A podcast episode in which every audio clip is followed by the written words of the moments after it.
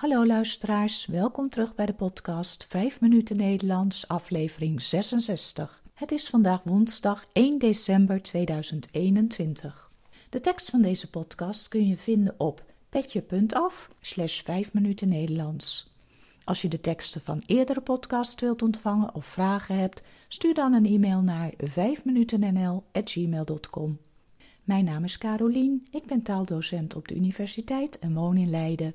In deze podcast vertel ik iets over mijn leven, over wat ik de afgelopen dagen heb beleefd of iets over de Nederlandse taal en cultuur. Aflevering 66 Nijntje en Sinterklaas. Kennen jullie de boeken over Nijntje? Vast wel. Ze zijn in heel veel talen vertaald. Dick Bruna is de naam van de schrijver en tekenaar van deze boeken. Het eerste boek van Nijntje is verschenen in de jaren 50 toen Dick Bruna op vakantie was in de duinen en s'avonds aan zijn één jaar oude zoontje een verhaaltje vertelde over het konijntje dat ze die dag bij hun vakantiehuis hadden zien rondhuppelen. Nijntje wordt heel eenvoudig getekend met maar een paar lijnen. De ogen zijn twee stippen en de mond is een kruisje. Dick Bruna vertelde in een interview dat hij soms heel veel tekeningen moet maken om Nijntje net een beetje verdrietig te laten kijken, of juist heel blij. Opa en oma Pluis hebben een extra lijntje door het kruisje als mond. Dat geeft de rimpels weer die bij oudere mensen horen. Ik las een mooi verhaal over deze lijnen. Dick Bruna oefende eerst met potlood en als hij dan tevreden was, tekende hij het over op een dik vel papier, waarop hij dan met een kwastje en zwarte inkt de uiteindelijke tekening maakte. Als je de lijntjes in een van zijn boeken goed bekijkt, zie je ook dat de lijntjes een beetje oneffen zijn. Dit komt door zijn manier van werken en laat zien dat het echt handwerk is.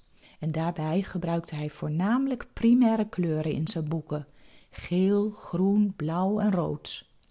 In de boekjes staat op elke rechterpagina een tekening en op elke linkerpagina een verhaaltje van vier regels. Dick Bruna verzon de tekst er zelf bij. Vaak rijmen de tweede en de vierde regel. Zo schrijft hij bijvoorbeeld in het boekje Opa en Oma Pluis. Opa en oma Pluis, die hielden veel van Nijn. Nijn kwam ook dikwijls op bezoek, dat vonden ze heel fijn. Of een leuke tekst uit Nijntje in de dierentuin. Toen zagen zij een heel leuk paard.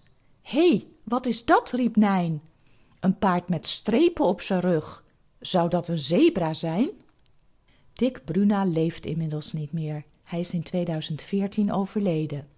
Hij woonde in Utrecht en daar is ook het Nijntje Museum. Dit is vooral gericht op kinderen. Ze kunnen hier spelen en knutselen. Het originele atelier en werk van Dick Bruna zijn te zien in het Centraal Museum in Utrecht. Overigens leuk om te weten de naam van het Nijntje Museum wordt zonder hoofdletters geschreven, omdat de schrijver zelf in zijn boeken ook nooit hoofdletters gebruikte. En natuurlijk heeft hij ook een paar Nijntje boeken over Sinterklaas geschreven. Zo is er een boekje waarin Nijntje haar schoen mag zetten. Ze doet er een wortel in en een verlanglijstje, dan gaat ze slapen. En als ze wakker wordt, zit er een cadeautje in haar schoen. Heel veel kinderen in Nederland zetten begin december hun schoen, want Sinterklaas is weer in het land. Op 5 december viert hij zijn verjaardag en deelt hij nog veel meer cadeautjes uit. Als je meer over dit feest wilt weten, moet je nog maar eens een keertje naar podcast nummer 13 luisteren. Als je de komende week Sinterklaas viert, wens ik je heel veel plezier. En als je een verhaaltje aan kleine kinderen wilt voorlezen, probeer dan zeker eens een Nijntje boekje. Altijd leuk. Dit was het weer voor vandaag. Veel dank voor het luisteren. Ik wens jullie een hele fijne week en tot de volgende keer. Dag!